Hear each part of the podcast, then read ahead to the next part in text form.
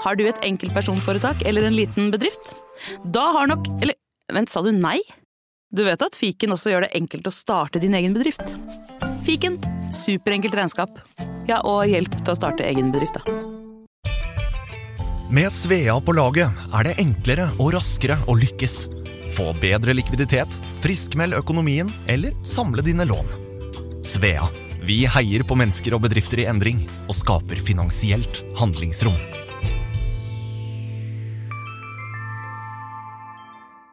Har du pollenallergi?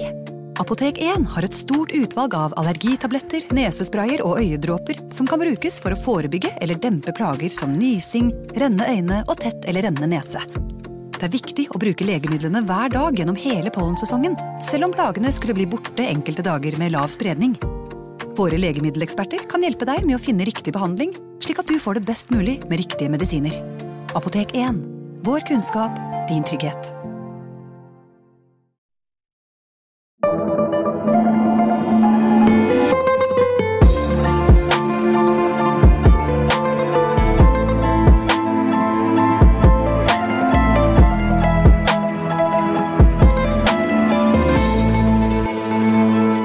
Hjertelig velkommen til Gangsterpodden. Dette toget ruller videre i, eh, med uforminska styrke.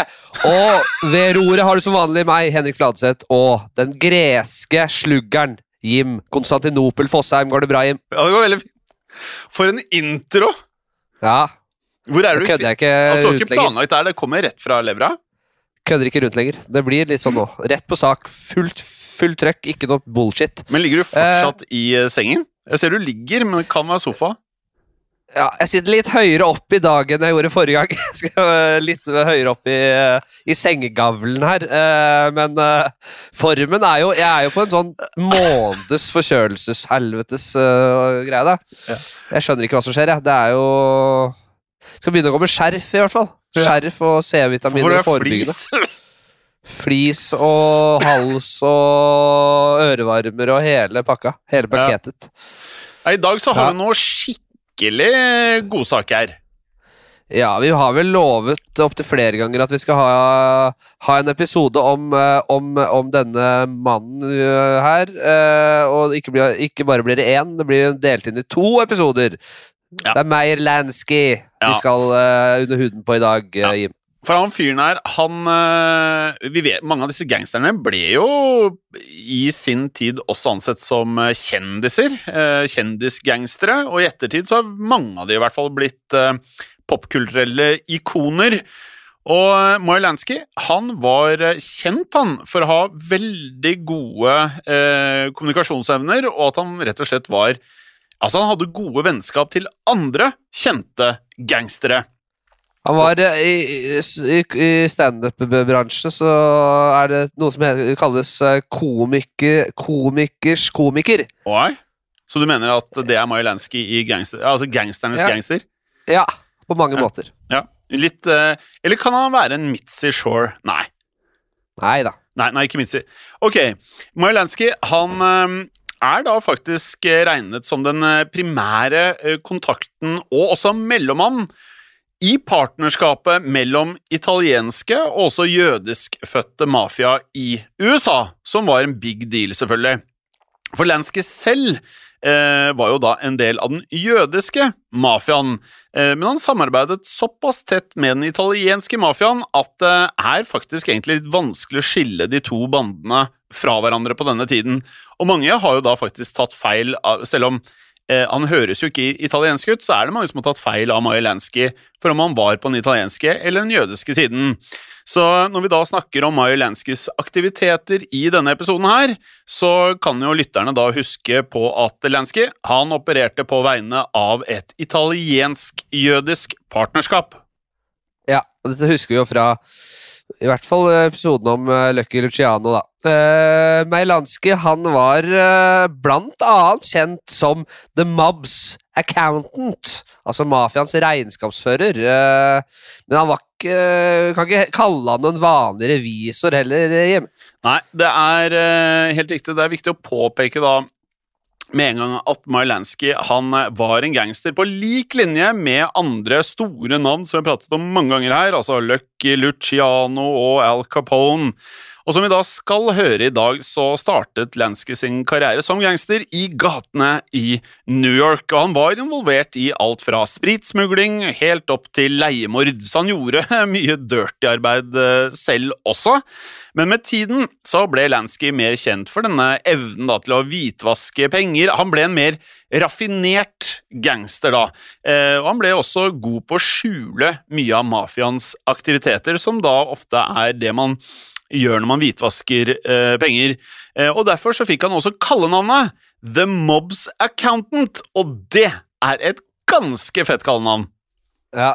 eh, det er fetere enn uh, Little Man, som han også blir kalt. ja. eh, for han var jo rett og slett bi- bi- bitte liten kar. Han var bare 1,52 meter høy, altså 1,52 på strømpelesten, som man sier. Eh, Du blir ikke men redd av 1 på 1,52 akkurat, hvis du ikke vet hva, hva, hvem han kjenner. Nei, men eh, det er han Det er han der Oddjob, er det ikke han heter? Han, er, han, han, han viser jeg til ofte her. For jeg er ikke så Bond-nerd, men jeg husker han Oddjob. Han likte jeg da jeg var liten. Og Ja, ja. den bitte lille karen med hatten. han som sendte gårde den der bowlerhatten med kniv inni hatten. Ja. Men selv om han ikke var høye karen, så regnes Lansky likevel som en av de virkelig store legendene innen amerikansk mafiahistorie. Eh, Og vi er jo da selvfølgelig nødt til å eh, ha en lang, lang episode, så lang at den deles inn i to deler. Ja, jeg tenkte jeg bare skulle komme en liten sånn derre eh, gledens eh, sak. Vi har nemlig i Gangsterpodden eh, rekordmåned i eh, antall eh, lyttere. Eh, og da avspillinger av podkasten, så tenkte jeg var like greit å bare liksom takke lytterne for interessen, og for at folk skriver til oss og rater oss på iTunes og alt dette her. Veldig hyggelig. Veldig, veldig hyggelig. Eh, videre, Lansky han var involvert i eh, så mange store hendelser at historien hans på mange måter er historien om den amerikanske mafiaen, faktisk. For i løpet av de to eh, episodene vi skal innom, eh, så ferdes vi jo da både til New York, Atlantic City, Las Vegas, Havanna-konferansen, som er en av mine sånne favorittting, da, eh, og også Miami. Ja, men først så skal vi jo som vanlig skru tidshjulet Deilig. tilbake. Skru ikke av telefonen, Flatseth. Midt i podkasten ligger i Nei, senga med telefonen på. Nei, men det må jeg si, fordi Ja. jeg driver og pusser opp uh, kjøkkenet og med du min far, og han ja. kommer nå. Jeg har fått Ja. klemt inn en podkast på hjemmekontor det mellom de øktene. Fra så han blir jævlig forbanna. Han kommer og hjelper meg, også hvis jeg ikke, ikke tar telefonen, da, så han må stå ute i gata og surre. Det kan vi ikke ha noe av. Men jeg, kan gå, jeg skrudde av lyden, var da ser jeg bare ser hvis den lyser. Eh, Vi skal skru tiden tilbake, vi, eh, og se litt på bakgrunnshistorien til, eh, til, til Meyer, Meyer Lansky. Vi må rett og slett tilbake til barndommen. Han ble født i det russiske imperiet, faktisk. I en by som ligger i dagens Hviterussland, men som på den tiden var polsk, og året var 1902. Og hans fødenavn, det var Meyer med i. Sjusjovlanskij. Ja. Sjusjovlanskij. Ja. ja. Og det her var faktisk ikke jeg klar over før vi researcha episoden, altså. Jeg Ja. ante ikke det. Men eh, Meyer han kom fra da, som nevnt, en jødisk familie som uh, måtte tåle store mengder med antisemittisme i dette russiske imperiet. da. Og jødene de ble rett og slett eh, tvunget de, til å bo i et eh, bestemt område kjent som The Pale. Og dette området tilsvarte store deler av dagens Litauen, Hviterussland, Ukraina og også Moldova, faktisk. Og innenfor dette området var det få ting som man kunne livnære seg av. Og her ble jødene jevnlig utsatt for eh, massakrer, voldelige angrep og også selvfølgelig da hets. Og angrepene de ble eh, ofte utført av den lokale ikke-jødiske befolkningen. Ja. Det er eh, dessverre ikke mm, ukjent eh, territorium vi er på nå. Det, det var jo ofte sånn, dessverre. Og, og dette førte jo til masseutvandring fra det russiske imperiet. De gadd jo ikke dette her. Så mange som eh, 1,7 millioner jøder gjorde da som familien Lansky. De emigrerte til USA. Ni år gammel så kom Lansky til New York og Manhattan. Eh, Eh, hvor da familien hans slo seg ned på Lower East eh, Side. Og allerede i 1918 18 så møtte Meyer en annen tenåring som skulle bli en av hans nærmeste kompanjonger de neste årene, nemlig en fyr vi har vært innom før, Busky eh, Bugsy Siegel. Mener. jeg. Og Siegel ble senere kjent som gangsteren som oppfant Las Vegas. ja. Vi husker hvordan han starta med et lite eh, herberge, nærmest, i, eh, i ørkenen der, og, og, og, og hvordan dette vokste. Eh, og, og ja, det er bare å høre de episodene, eller den, var det én eller to? Eh, den eller de episodene, hvis dere ikke har gjort det. Altså, jeg, altså Bugsy Siegel er nok eh, blant mine sånn topp ti gangstere så langt, faktisk. Liker typen. Veldig Ja, ja. flott uh, antrukket, eh, etter hva vi forstår. Uh, Olanski han møtte altså Bugsy Siegel mens de begge kun var tenåringer. Og både Lansky og Siegel hadde da denne jødiske bakgrunnen til felles, og de var kommet til Manhattan som barn av fattige innvandrere. Eh, og de jødiske migrantene de var herdet, de, som man nå skjønner selvfølgelig, da, eh, hva angikk voldsbruk på grunn av denne forfølgelsen i dette russiske imperiet. Og enkelte migranter som da kom til USA nettopp som Lansky og Siegel, var derfor villige til også å utøve vold for å da klare seg i storbyen. Så her ser man liksom hvordan dette her ble dratt med inn til deres nye eh, samfunn her. Og de forsto dessuten at eh, organisert kriminalitet det var en svært lukrativ business. Og Lansky og uh, Siegel de dannet seg nå da sin egen liten gjeng. Uh, gjeng med gategutter. Og uh, de ville nå da vise at jødiske gangstere de kunne være like knallharde, de, som eh, både irrene og italienerne. Og eh, tenåringsgutta til Lansky og Siegel de har for øvrig inspirert uh, eh, skildringen av jødiske gangstere i filmen Once Upon a Time in America Mm. eh, fra 1984, som er litt spennende. Og, og der følger man da to jødiske småkjeltringer da, i Brooklyn på deres ferd mot uh, toppen. Og det er akkurat det de drev med, de, våre, med våre gutter, Lansky og Sigel. Mm. Nei, altså, vanvittig bra film. Um, Lansky og Siegel de kalte gjengen sin for The Bugs and Meyer Mob, som jeg liker veldig godt, selvfølgelig. Eh, dannelsen av gjengen den eh, skjedde på et eh, svært gunstig tidspunkt, for i 1920 så trådte nemlig kraft et nytt tillegg til USAs grunnlov, og dette har vi pratet om mange ganger før. Navnet på denne var The Volstead Act, også kjent som det nasjonale alkoholforbudet, som var en stor, stor gave til alle som ikke skydde å bryte loven. Og slik startet perioden kjent som forbudstiden, og også gullalderen for all mafia i USA. Ja, det var selvfølgelig mange som skodde seg på dette. eh, for når det ble forbudt å produsere og servere eh, alkohol, så åpnet det seg jo et enormt svart marked. Og som det meste av forbud, så fungerer det dårlig, for det skaper bare et vakuum som de kriminelle utnytter. Og gjengene eh, og gangsterne tok over distribusjonen av øl og annen alkohol i de store byene. Og, og, og det var store penger altså å tjene på ulovlig alkohol, og gangsterne de kjempet jo nå seg imellom om å kontrollere territorier, som, som man ser med narko. Ja, Og The Bugs and Margang de var eh, involvert i alt dette her, de. De drev med smugling av brennevin, de drev med pengeutpressing, mord og selvfølgelig Grand Theft Auto, altså biltyverier. Og ofte så jobbet Lansky og Siegel eh, for den eh, mektiske jødiske gangsterbossen, altså Arnold Rothstein, som også holdt til i New York. Og Lansky skal ha betraktet Rothstein nærmest som sin mentor, fordi Rothstein lærte å Altså, han lærte vekk da måten man kunne tenke på en eh, organisert måte når det da kom til kriminalitet, og tenke på det mer som en business. Ja, Han lærte han businessen eh, bak dette her, liksom. Mm. Og, og trofaste lyttere vil også huske at vi har laget en egen episode om Arnold Rothstein eh, og denne baseball eh, World Series-skandalen. Eh, tilbake i, i den tiden vi er i nå, i 1919. Mm. Eh, også en ganske rå historie. Ja, ja.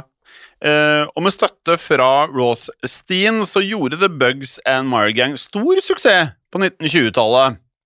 Men like viktig var kanskje deres eh, indre dynamikk. For Bugsy han var, som man da har skjønt på tidligere episoder, veldig temperamentsfull. Så han, eh, han eh, hadde ikke noe imot han med å skyte, slåss, gjøre det han måtte. Han måtte vise muskler. Mens Lansky han var Bugsys rolige og også da vise kloke motstykke. Ja.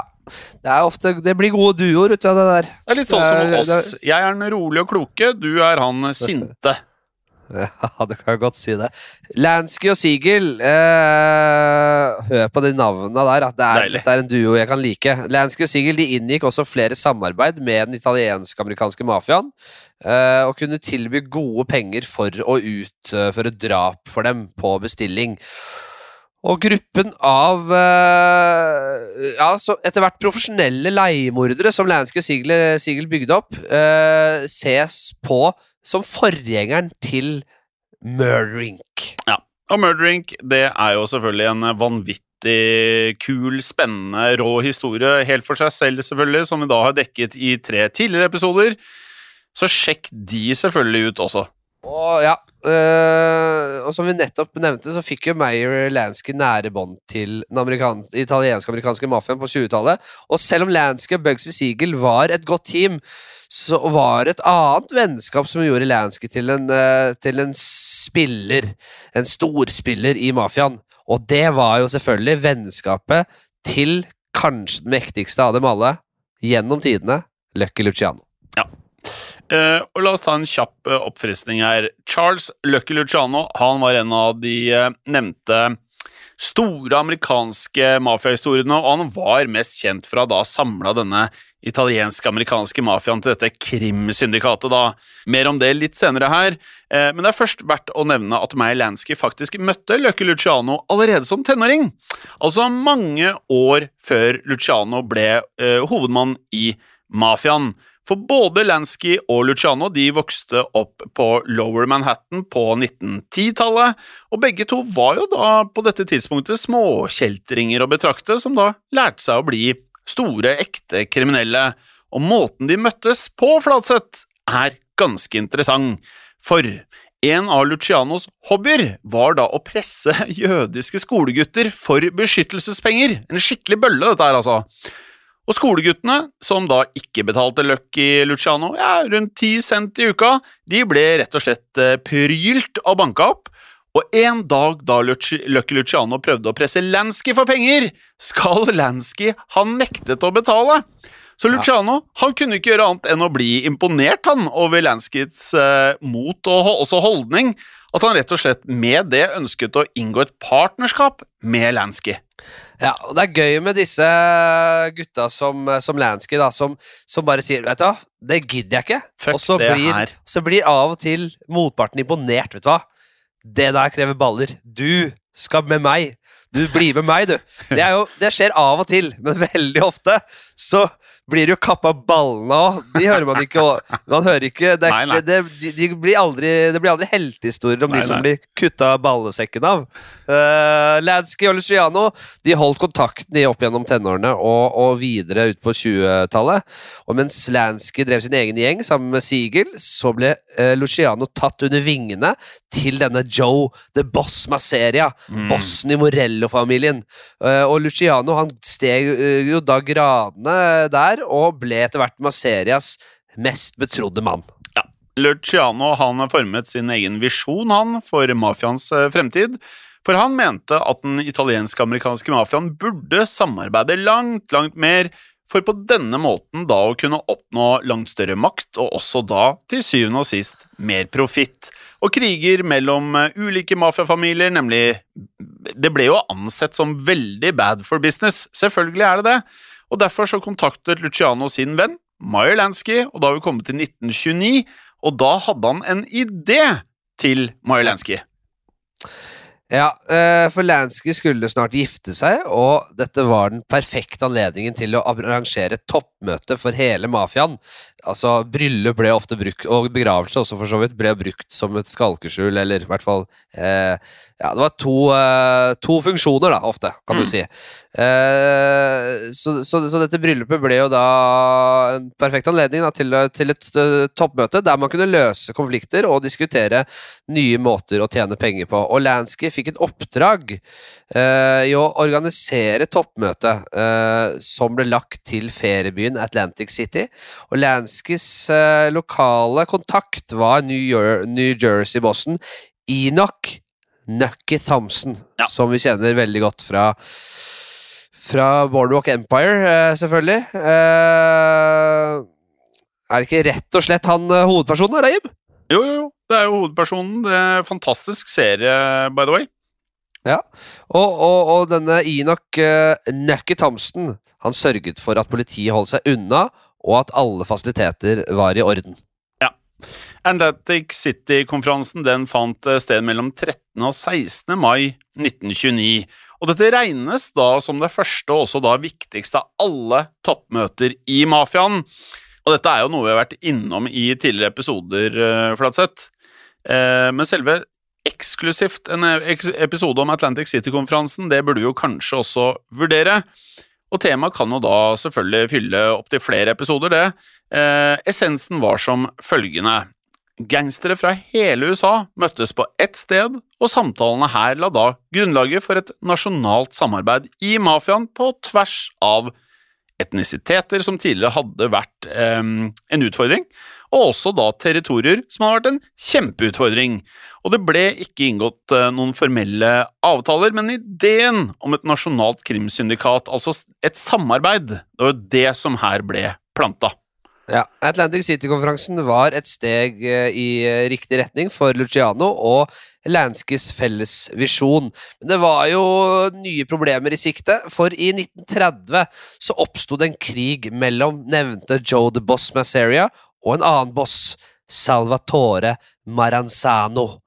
Eh, vi husker jo det sant, fra tidligere episoder, disse Cecilia-gutta som Mm. kommer og skal, ikke skal ha noe eh, samarbeid mellom andre enn italienere. ikke sant? Og Det ble et helvetes oppgjør der. Og, og, og, og begge disse familiene ønsket jo å ha kontrollen over den organiserte kriminaliteten i New York, og konflikten ble som kjent til Castellamarese-krigen. Og Løkke Luciano han eh, var som sagt eh, Maserias eh, betrodde rådgiver, men ønsket å avslutte Calastamarese-krigen. Og denne misnøyen den førte til at Luciano valgte å utføre en ganske blodig overtagelse av New York-mafiaen. Og vi har laget en egen episode om dette også, men la oss ta kortversjonen nå, da, Flatseth. Ja, For å gjøre slutt på krigen så valgte Luciano å svikte sin egen leder, eh, Maseria, ved å gå over til fienden Maranzano. I 1931 så sørget Luciano for at Maseria ble skutt og drept på en restaurant av fire menn, eh, og eh, Bugsy Siegel skal ha vært en av de morderne. Eh, det stemmer, det. Han, eh, altså, Luciano og Maranzano de delte deretter New York-mafiaen inn i disse fem familiene som alle vet godt uh, hvem er nå, og de fikk hvert sitt territorium. Og slik kunne da uenigheter løses i et uh, forum der alle føltes som likeverdige, som var helt essensielt. Men da Maranzano brøt avtalen ved å da utnevne seg selv til denne boss of all bosses, så ble planen igjen truet, og Luciano han eh, svarte da med å sørge for at også Maranzano ble drept. Og vi skjønner jo hvordan Luciano kunne Hvordan han trakk i disse trådene, og på en måte øh, hvorfor han ble så legendarisk. da Det Ja. krever Det er ikke flaks når du får til det der to ganger, Nei. For, å si det mildt. Eh, I, I september 1931 så kom fire jødiske leiemordere til Maranzanos øh, kontor. Og Maranzano ble både knivstukket og skutt før han døde øh, der inne. Og morderne var jo fra gjengen til Mayor Lansky og Bugsy Siegel. Eh, og de to drapene de ble jo da et vannskille i den amerikanske mafiahistorien, eh, og dere vil ja, straks forstå hvorfor. Ja, for etter drapet på Maranzano ble det da altså dannet dette et nasjonalt krimsyndikat kalt The Commission. Vi har pratet om det her før. The Commission besto jo da disse fem mektige mafiafamiliene fra New York, samt to familier fra Chicago og også Buffalo. Og Luciano han ble jo da utnevnt til denne formannen i syndikatet. Og mafiaens aktiviteter ble jo slik da samlet og også koordinert, og dermed ble mafiaen sterkere enn noen gang. Uh, og dette er gjentagende i mange av episodene. Det er viktig å ha det med for å skjønne helheten her. Ja da, men det er jo sånn at dannelsen av denne commissionen er jo veldig viktig for å Ja, ja. skjønne meg Lanskys Lanskis historie. Eh, For Lanskys eh, eh, vennskap, nære tilknytning til Luciano, brakte han jo til slutt helt i toppen av mafiaen. Eh, og siden Lansky ikke var italiensk født, så kunne han ikke bli underboss i Lucianos familie. Sånn var det, rett og slett. Men han ble i stedet Lucianos nærmeste finansielle rådgiver. En mann med veldig stor makt. eh, og dette var jo et tydelig tegn på hvor nært den italienske og jødiske mafiaen etter hvert samarbeidet. da. Ja, det er riktig det. Og når vi er tilbake etter en kort, kort pause, skal dere få høre om hvordan eh, Lansky Luciano da utvidet imperiet og også brakte eh, mafiaen til eh, langt nye høyder både i og utenfor USA.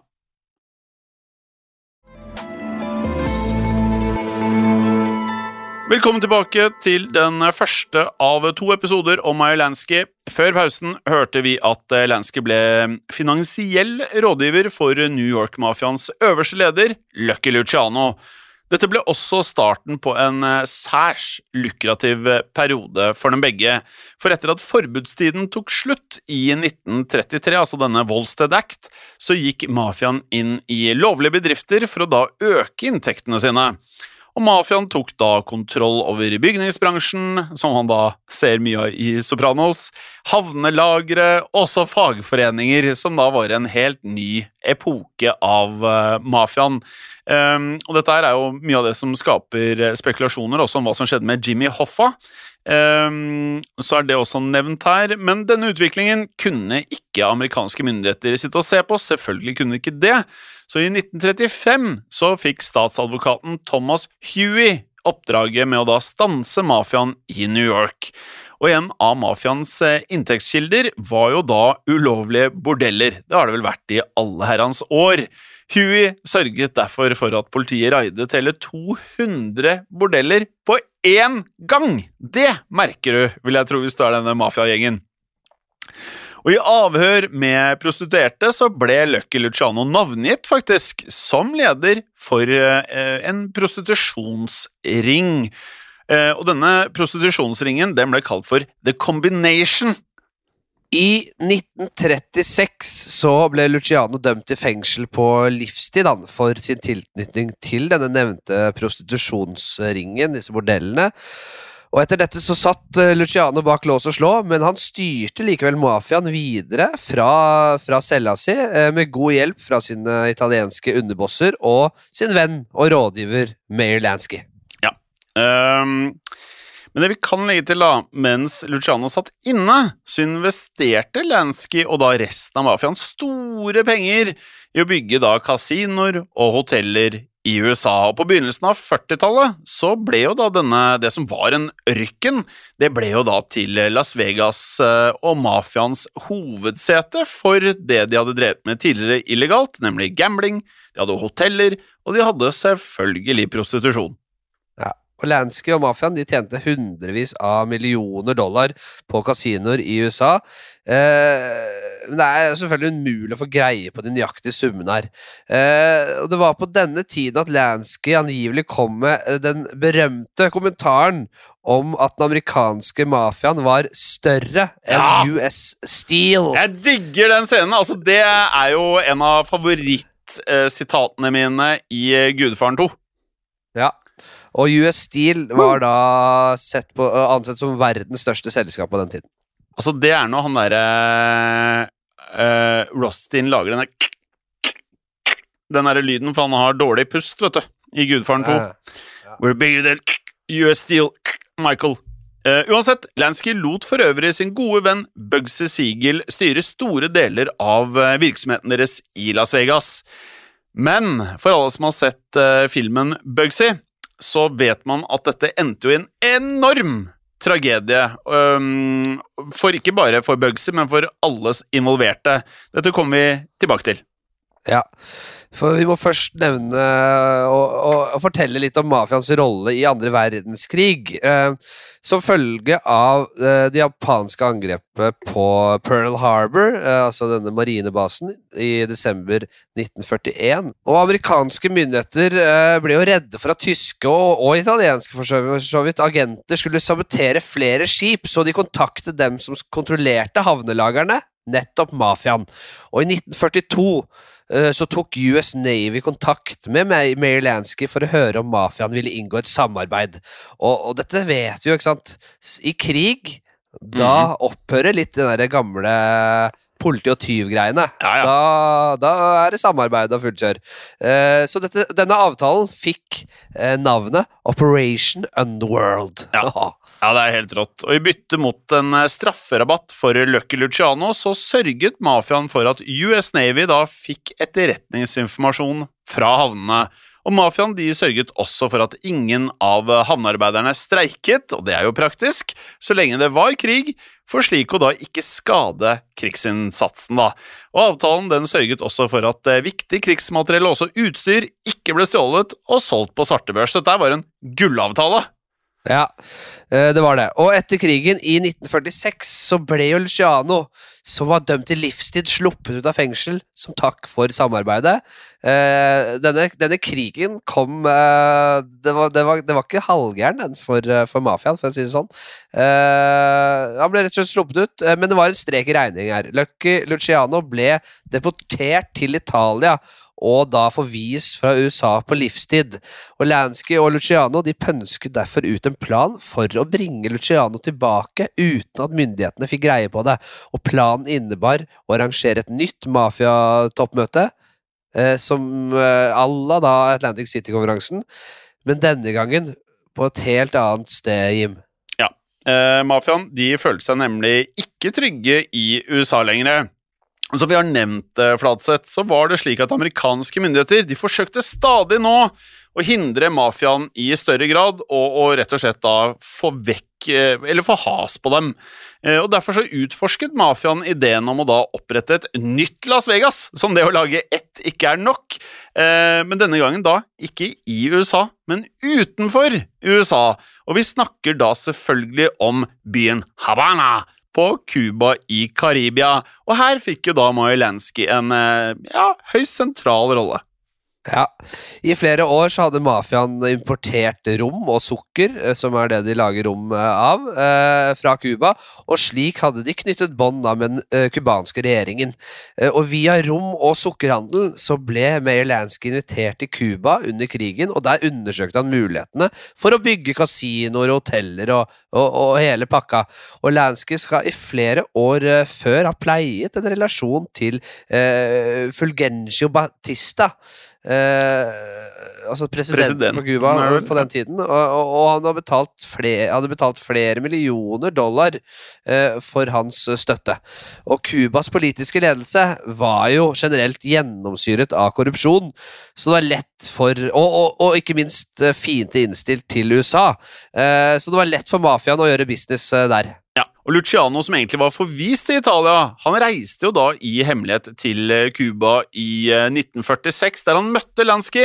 Og sammen så inviterte de representanter fra alle de ledende mafiafamiliene i USA nettopp til Cuba, og hvor det da ble arrangert et uh, toppmøte. De er jo glad i toppmøter, disse folka her, Fladseth. Veldig glad i toppmøter. Veldig glad i toppmøter, eh, som i ettertid er blitt kalt Havanna-konferansen.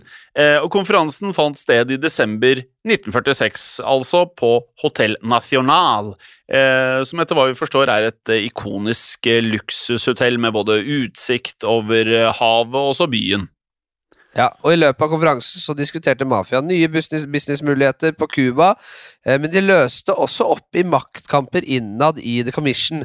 Lucianos nærmeste underboss, Vito Genovese, han hadde vært fungerende boss mens Luciano satt eh, fengslet, og Genovese hadde nå ambisjoner om å ta over The Commission.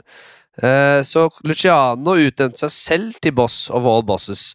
Det er veldig, Vi har snakket om det før. Litt sånn barnslig opplegg også, dette her. Ja. Det er jeg som er Men boss også boss. veldig gøy. Ja da. Ja, da. Eh, Så Luciano utnevnte seg til boss of all bosses, og før, eh, altså før Genovese rakk å gjøre det samme.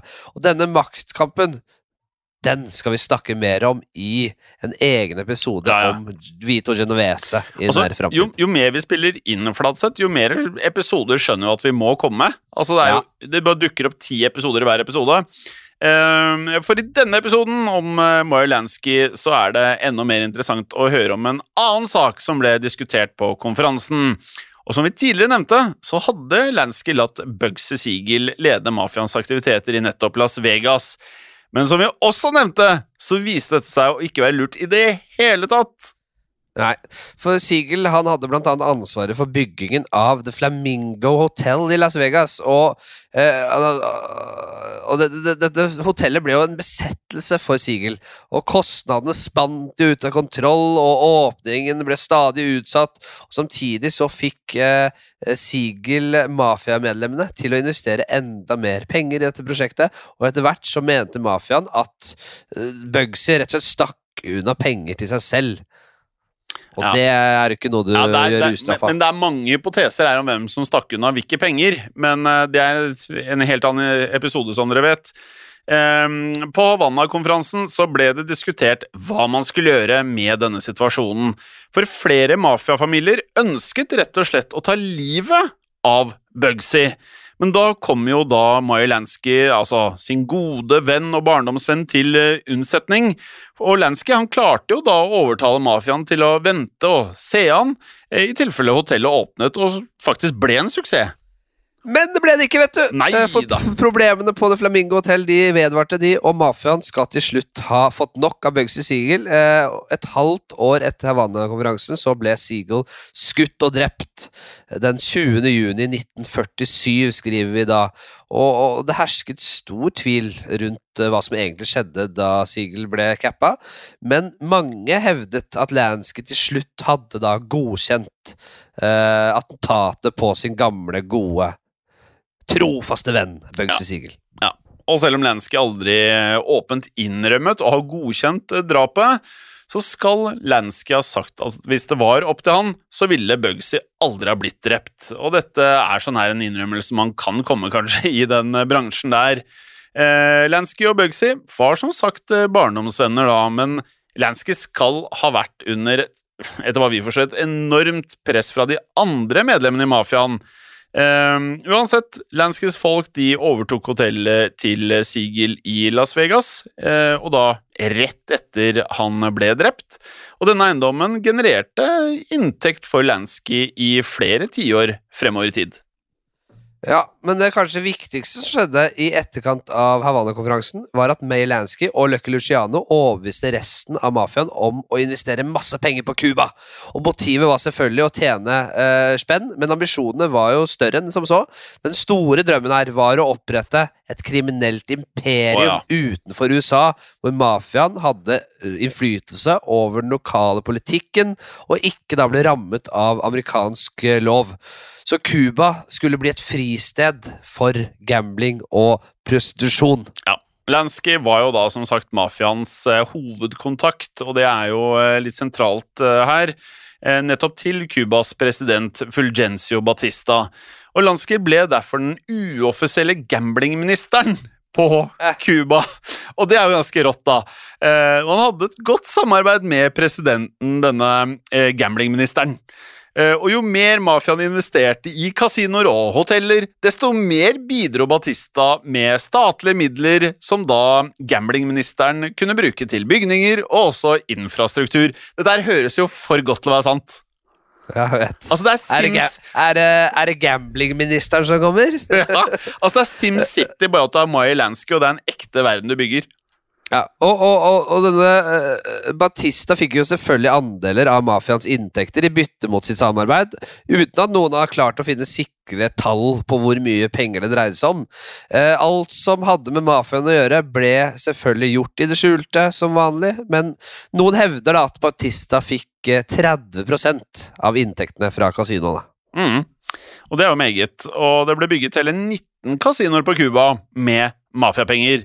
Og Cuba ble jo da et sted for underholdning, gambling og selvfølgelig festing. Og den kjente entertaineren eh, som vi da burde ha flere episoder om her også, er jo mannen vi eh, ofte tenker har connections til mafia, nemlig Frank Sinatra.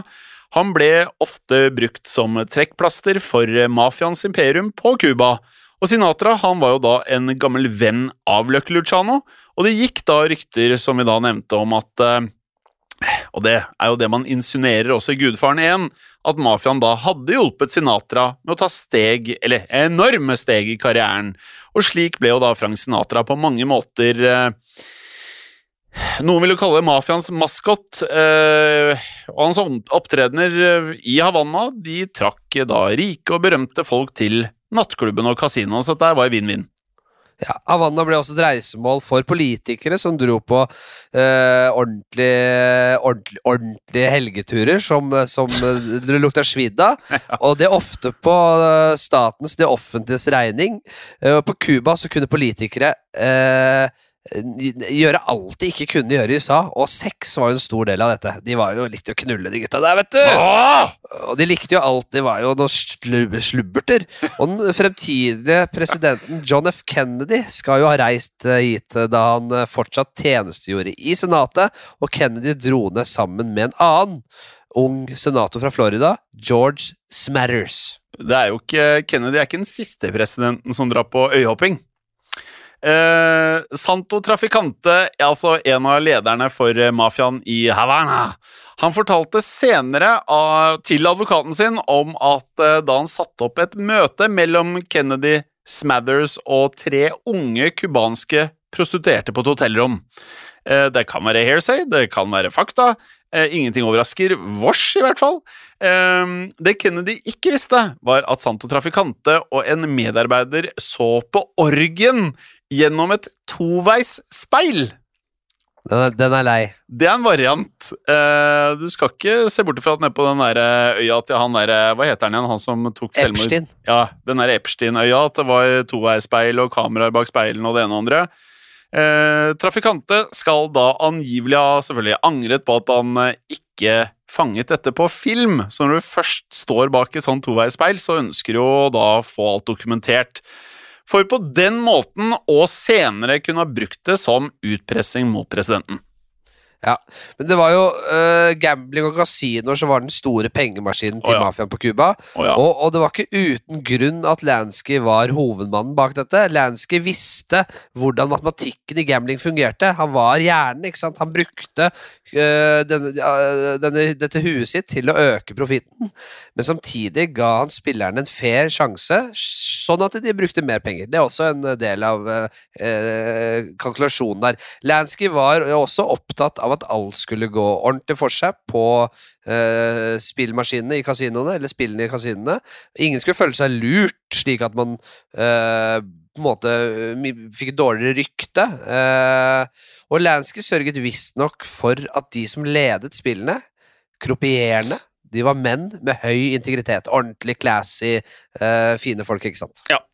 Og Lansky han eh, så på seg selv som en eh, direktør i et internasjonalt selskap, og han ble kjent som finansmannen finansmann i kulissene, som da unngikk rampelyset og publisiteten.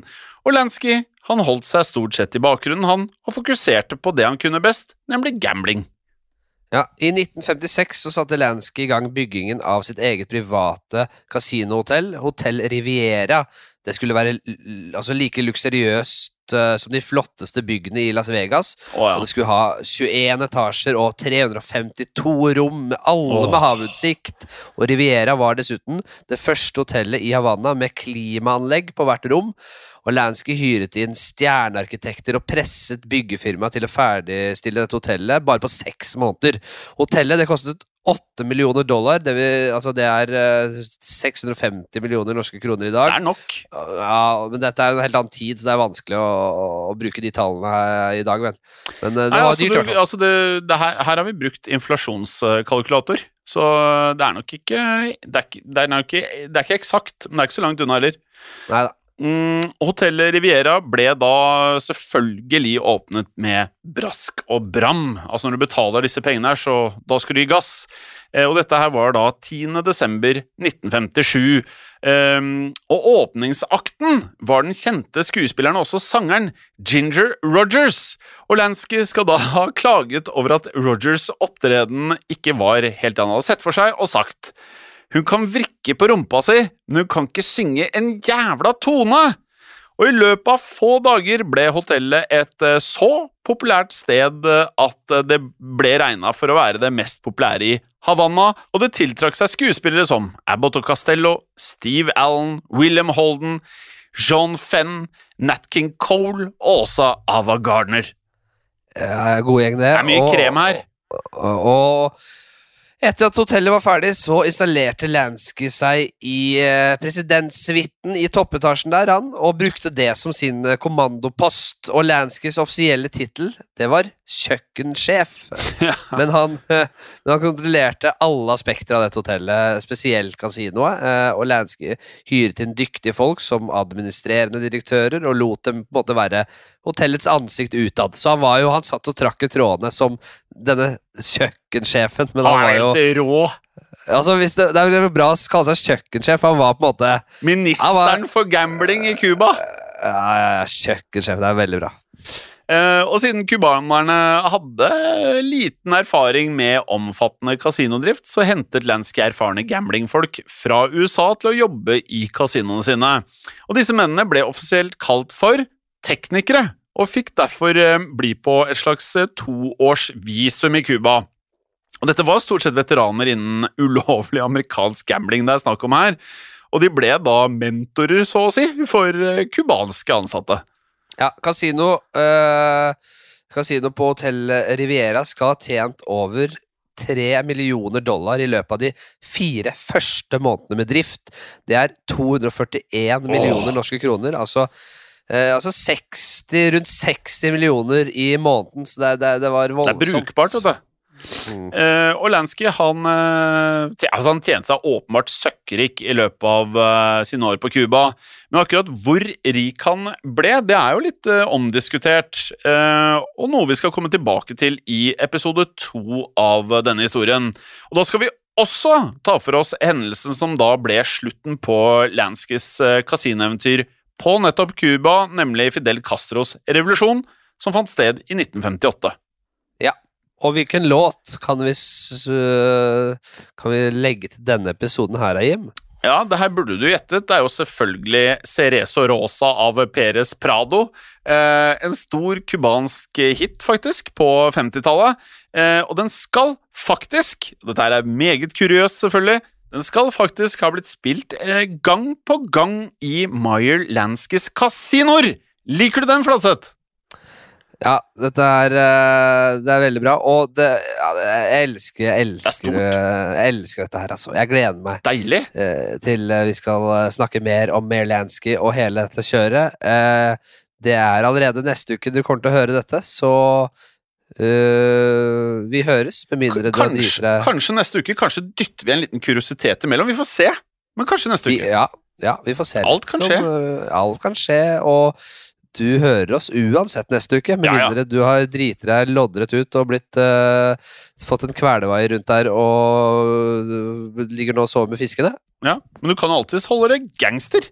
Og med det, Flatseth, lykke til med kjøkkenbygging. Ha det bra! Takk, ha det. Moderne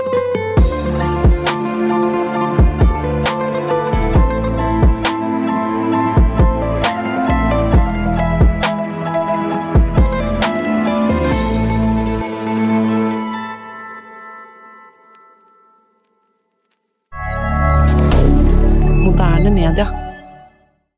Velkommen til Kjemperådet! Vi har fått inn et kjempenytt problem fra en mor. Jeg leser. Hei, jeg har en datter på 11 år som vurderer å slutte med orientering. Hun elsker jo å løpe, men finner aldri veien. Og jeg må sitte så lenge i bilen og vente. Ja, Yes, men ja da. dette her har jeg opplevd selv, faktisk. Og løsningen for meg ble da Maps på mobilen. Ja, hun er jo under 13 år. Da får hun 5 gigabyte data for bare 149 kroner med Telenor. Oi. Hun bør jo sjekke ut nye mobilabonnement på telenor.no, da. Yes! Hei, hei, Kim Vigård her. Er du også lei av briller og linser? Da anbefaler jeg at du gjør som meg og tar øyelaser hos Memira. Nå er jeg endelig kvitt hodepinen og blir ikke sliten eller tørr i øynene lenger. Det er magisk, det. Gjør som meg og bestill en gratis forundersøkelse på memira.no. Hei, og takk for at du lytter til Gangsterpodden. Skulle du kanskje ønske du kunne høre en ny episode om gangstere hver eneste uke? Vel, da er det bare å laste ned podkastappen Untold med en gang. I tillegg til ukentlige episoder av podkaster som Historiepodden, Henrettelsespodden og også True Crime-podden, så får du masse annet reklamefritt og også eksklusivt innhold inni Untold. Last ned Untold i AppStore eller Google Playstore, og start din 30 dagers prøveperiode med det samme.